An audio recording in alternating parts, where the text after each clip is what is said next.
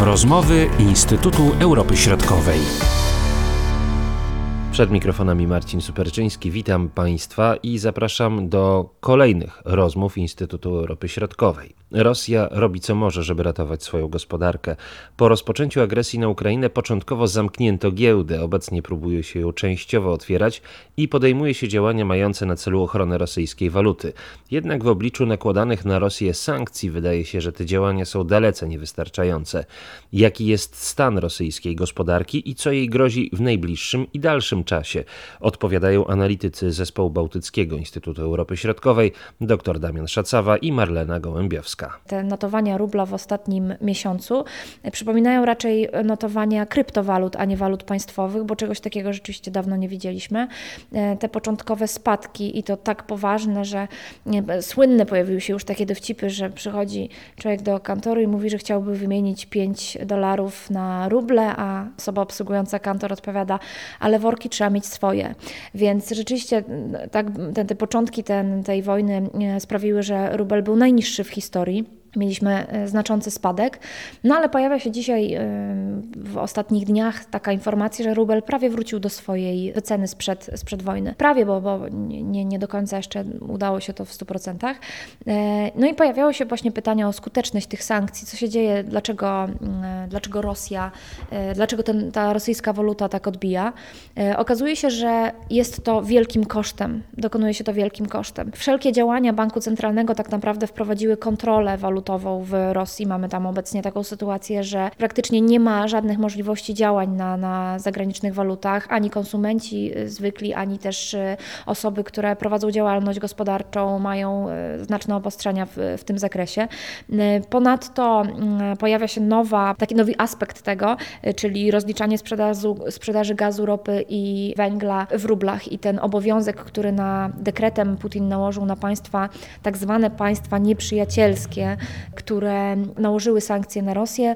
Rosja odwdzięcza się tym, że wymusza na tych państwach rozliczanie tych transakcji w rublach.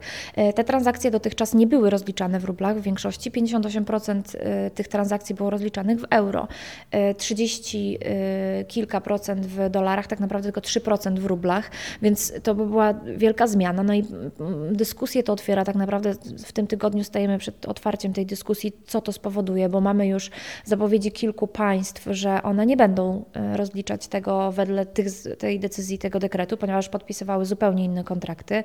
Są państwa, które mówią, że no dobrze, to my wpłacimy na to konto Gazprom Banku i niech to będzie przeliczane w rublach, więc rzeczywiście sytuacja jest e, rozwojowa jeszcze, ale już samo, sama zapowiedź tego powoduje, że pojawia się taki, e, że ta waluta rośnie, bo już sama zapowiedź tej, tego powoduje, że, że potencjalny popyt na, na walutę się pojawia. Się wzmacnia. Dokładnie. Nie możemy mówić dzisiaj też, no nie, nie, nie sama, ta, ta, waluta tak naprawdę jest dzisiaj sztucznie pompowana i doskonale to wiemy, że to tak to się odbywa, więc jakby ocena skuteczności sankcji samym rublem nie jest y, pożądana i nie jest prawidłowa. Trzeba spojrzeć też, co się dzieje na wskaźnikach makroekonomicznych. No wielu z nich jeszcze nie znamy, ale inflację znamy chociażby, która w marcu dobiła do 15%. Y, pojawiają się prognozy, że recesja w Rosji w tym roku może wynieść e, no, pierwsze takie wskaźniki. Ja wiem, że mamy marzec, więc ciężko mówić o tym, jaka, jaki będzie cały rok. Wiele się jeszcze może wydarzyć, ale na ten moment już przy tej sytuacji, przy tych sankcjach, gdyby one się utrzymały do końca roku, to mowa o 10, nawet 15% recesji, więc to jest recesja w ogóle nie, o, ogromna. E, pytanie tylko, czy Putin, e, tak, bo o to, cały, to pytanie cały czas jest w mocy, czy te sankcje zmienią przebieg tej wojny? I to jest to, to pytanie, które pozostaje w mocy. Właśnie tam jest jeszcze szereg innych pytań, na ile będzie można obchodzić te sankcje, bo Rosja przecież próbuje to robić i pewnie robi. W jakim zakresie, no to tego jeszcze pewnie do końca nie wiemy, ale do, doskonale to badają e, służby ukraińskie i informują o różnych przeciekach.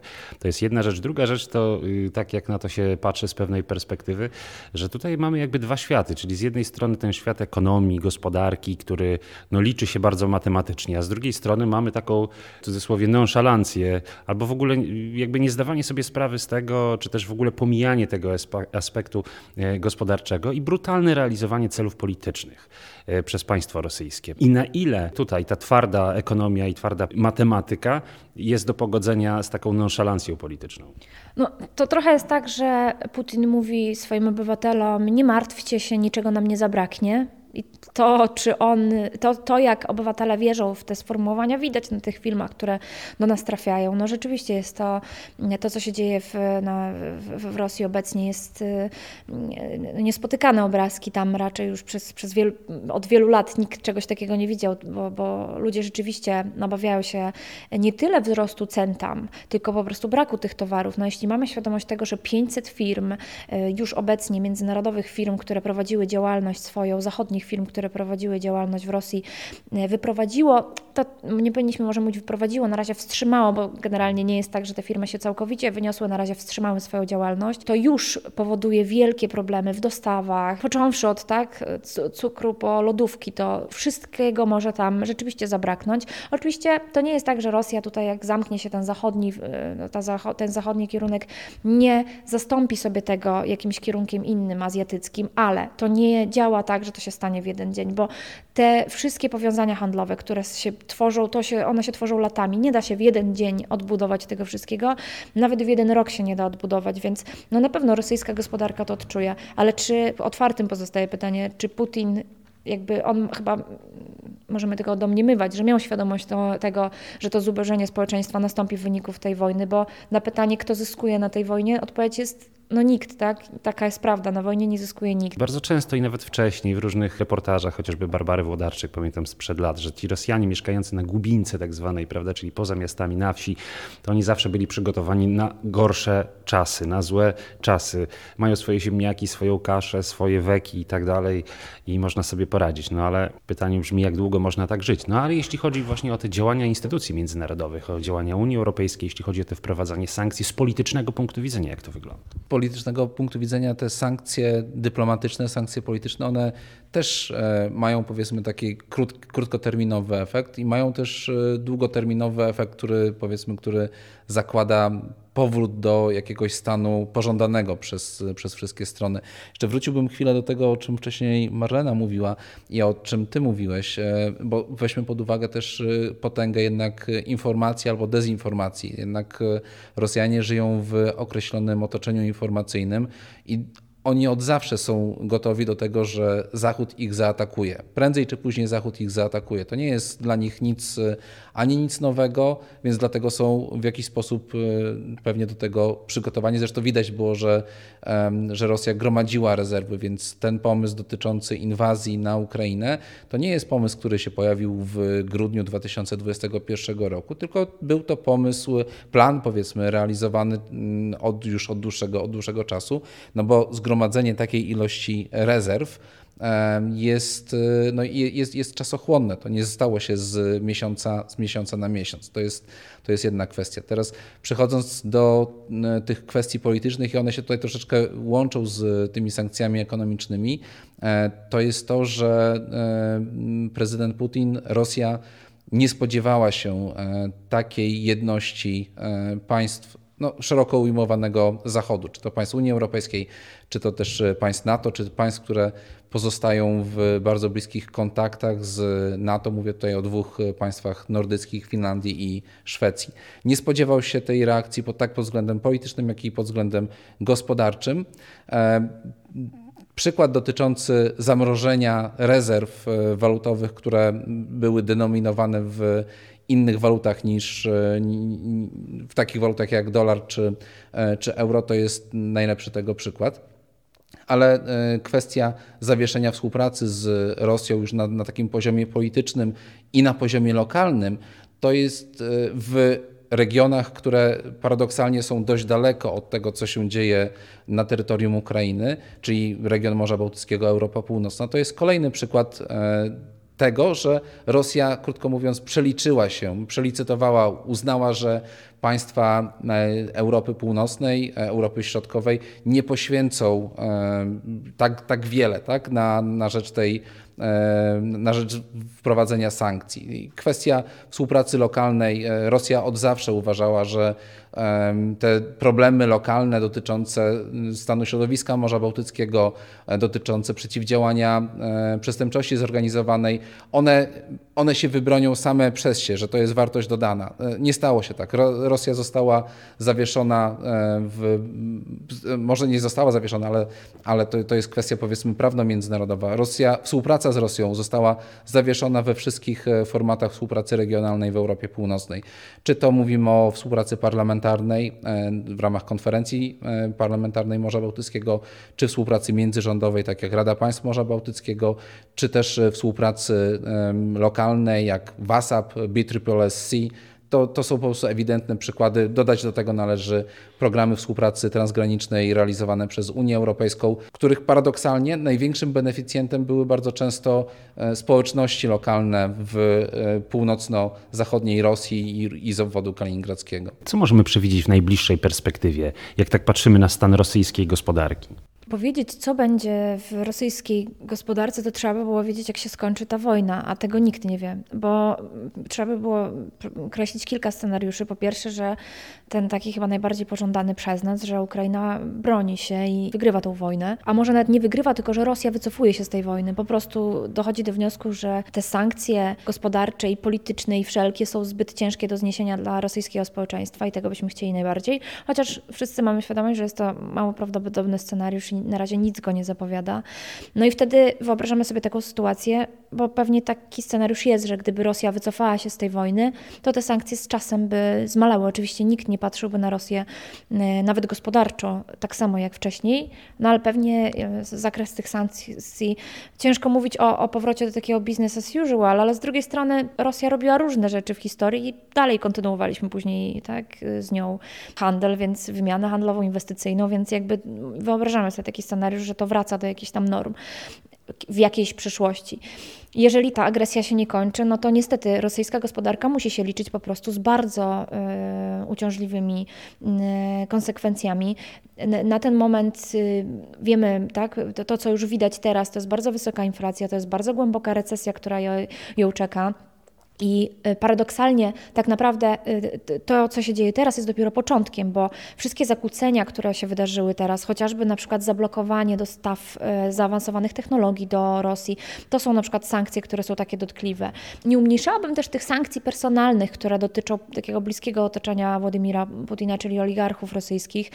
Dzisiaj mówimy oczywiście to, co, co powiedziałeś, czyli istnieje taka, jakby istnieje możliwość obejścia każdych sankcji, ale, bo to nie jest tak, że my zablokujemy całkowicie tutaj Rosję i, one, i, i, oligarchów. I, no to tak nie działa niestety. Być może byśmy chcieli, żeby to tak działało, ale utrudnienie tym wszystkim e, podmiotom działalności już jest jakimś, jakąś niedogodnością i sankcją. E, takie badania, no o ile możemy mówić o wiarygodności danych, które pojawiają się z Rosji, ale były badania, w, one się pojawiły w połowie marca, mówiące o tym, jak odczuwają firmy rosyjskie te sankcje i pojawiła się liczba 84 4% y, firm, które zgłaszały, że odczuwają sankcje y, Zachodu. Y, oczywiście ta dana może być podawana w Rosji w, innej, w innym kontekście, tak? a innym, inaczej my ją odczytujemy. My ją odczytujemy w taki sposób, że prowadzenie działalności gospodarczej w Rosji jest dzisiaj po prostu bardzo trudne. I e, wynika to z wielu przyczyn. Ta, ta jedna z głównych przyczyn to jest e, właśnie wzrost cen, ale i deprecjacja rubla, i do tego dochodzi, dochodzą wszelkiego rodzaju problemy z tymi kontaktami na Zachodzie. Problemów jest całe mnóstwo, więc i prowadzenie tej działalności tam teraz jest bardzo, bardzo ciężkie. No i, i, i w tej perspektywie, jeśli na razie nic się nie zmieni i wojna będzie toczyć się dalej, będzie coraz trudniejsze po prostu i z tym rosyjski biznes musi się pogodzić. Do tego wszystkiego wszystkiego, co, o czym mówiła Marlena, to ja dodałbym też rzecz, która tak na pierwszy rzut oka jest bardzo trudno mierzalna. To znaczy to jest, y, chodzi o zaufanie. E, bo jeżeli sobie wyobrazimy, że e, firmy, które e, zawieszają e, działalność w Rosji, wycofują się. Tutaj te, ta, ta, ta skala jest tak naprawdę różna i to są różne konkretne działania. E, I słyszymy o działaniach, które Rosja chce podjąć, aby wywłaszczyć te firmy. To jest olbrzymi, olbrzymi spadek zaufania. A to jest tak jak w, w stosunkach międzynarodowych, jest taka, tak, tak jak w stosunkach międzyludzkich. Zaufanie buduje się bardzo długo a bardzo szybko można je zniszczyć na długi okres czasu. Jeżeli mówimy o zaufaniu, jeżeli popatrzymy sobie na wielkość e, bezpośrednich inwestycji zagranicznych, które były realizowane e, w Rosji e, w tym okresie poprzedzającym, które dotyczyły sektorów, które są, no, powiedziałbym, żywotne, ży, żywotne, żywotnie znaczące dla Rosji, czyli sektor chociażby wydobycia paliw kopalnych na dalekiej, na dalekiej północy, no to widzimy, jak, jak, jak to było ograniczone po 2014 roku, a teraz będzie jeszcze to jeszcze, jeszcze, jeszcze więcej. Kolejna kwestia jest taka, że oczywiście e, my bardzo chcielibyśmy, żeby te sankcje zatrzymały e, działania Rosji na Ukrainie, aby nie ginęli kolejne, e, kolejni aby nie były niszczone kolejne ukraińskie miasta. Tylko niestety no, kule latają szybciej niż, niż jakakolwiek sankcja, która byłaby wprowadzona. I ostatnia rzecz, to też nie jest tak, że Rosja jest zupełnie, może obejść wszystkie sankcje, no bo oczywiście dużo mówimy na temat e, ograniczenia e, importu, ograniczenia zależności od, Rosji, od rosyjskich paliw kopalnych. I e, to oznacza, że Rosja nie będzie w stanie wyeksportować tych, e, tych surowców na inne rynki, pomimo tego, że pewnie znaleźliby się kupcy, dlatego że brakuje infrastruktury. Nie ma infrastruktury, która umożliwiłaby przesył gazu ziemnego z tych złóż na północy Rosji, które są wysyłane e, Nord Stream 1, czy miałyby być wysyłane Nord Stream 2 do Europy Zachodniej i one nie, to nie jest tak, to, to jest w tym momencie niemożliwe, żeby one były przekierowane na e, kierunek indyjski czy kierunek chiński. Mówiliśmy dużo o zaufaniu, mówiłeś o zaufaniu i jak szybko można je stracić, prawda? A takie obrazki, które widzieliśmy ostatnio z Buczy, z tych miejscowości, które zostały wyzwolone przez armię ukraińską w ostatnich dniach, no to one stawiają w ogóle relacje Zachodu, szeroko pojętego, z Rosją pod jeszcze większym znakiem zapytania. Zanim dojdzie do współpracy, no to trzeba w jakiś sposób porozumieć się z tym państwem, aby nie, takich obrazków nie oglądać w kolejnych miejscowościach tych obrazków z Buczy, z Irpinia, czy no, nie znamy jeszcze wszystkich relacji z Mariupola, ale możemy się tylko domyślać, jak to, e, jak, jak to wygląda. Równolegle do działań wojennych prowadzone są działania dyplomatyczne. Co róż słyszymy o rozmowach pomiędzy delegacją Rosji a delegacją Ukrainy e, i to też nie jest wcale takie proste, że te delegacje osiągną porozumienie. Pewnym paradoksem jest to, że one muszą osiągnąć to porozumienie dla dobra wszystkich. Tak jak wojna to, jest, e, to, to, to są straty dla wszystkich, tak e, osiągnięcie porozumienia, no pytanie jeszcze o jego warunki, ale wszyscy sobie zdają sprawę, że ta wojna kiedyś musi się skończyć. Pierwsza wojna światowa się skończyła, druga wojna światowa się skończyła. Każda wojna kiedyś się kończy, kończy się zawarciem jakiegoś porozumienia. Pytanie, na jakich warunkach będzie to porozumienie? Czy to będzie porozumienie, które zagwarantuje jakąś stabilność, e, czy umożliwi odbudowę tych terenów, e, czy umożliwi powrót tam ludzi, którzy są w tym momencie wewnętrznie przesiedleni albo którzy wręcz opuścili Ukrainę. To porozmawiajmy jeszcze o rosyjskiej giełdzie, która y, początkowo była zamknięta, potem się otworzyła. No i jak to wygląda? No rzeczywiście, jak y, zdano sobie sprawę, jak zobaczono, co się dzieje z rosyjskimi spółkami na, na, na giełdach na świecie, na giełdzie londyńskiej, co się stało z Gazpromem chociażby, no to rosyjska giełda, y, podjęto decyzję o nieotwieraniu rosyjskiej giełdy. To bezprecedensowo w historii wydarzenie. Nie pozwolono tak naprawdę osobom, które posiadają, tak, są właścicielami E, akcji, obligacji rosyjskich firm na to, żeby nimi e, swobodnie zarządzać, czyli tak naprawdę zarządzać swoim e, portfelem. I sytuacja ta była rzeczywiście no, bezprecedensowa. Przez trzy tygodnie giełda nie działała. Hucznie tak, pojawiła się informacja, została otwarta hucznie 24 marca, co jest też trochę nie do końca prawdą, że ona została otwarta, bo tak naprawdę zostały wznowione notowania 33 spółek wchodzących w skład moskiewskiego indeksu giełdowego, e, ale nie dla zagranicznych inwestorów. Oni nadal nie mogą sprzedawać nawet jednej akcji e, tych 33 podmiotów, za to może mm, te działania, te, e, te zakupy, może, może ich dokonywać kremlowski fundusz. No chodzi o to, żeby trochę poskupować tych, te, te spółki, żeby, no, żeby nie dopuścić do sytuacji właśnie całkowitego tak, wyprzedania ich za bezcen na, na tej giełdzie, więc tak naprawdę giełda wciąż w pełni nie działa i na to no, minie jeszcze sporo czasu, zanim ona będzie tak no, normalnie działać. Jest to kolejny taki przykład tego, w jakim stanie jest ta rosyjska gospodarka, bo kiedy dzisiaj mówimy o tym, że tam tak, że, że dużo się mówi o tym, że rubel wraca do, do tego stanu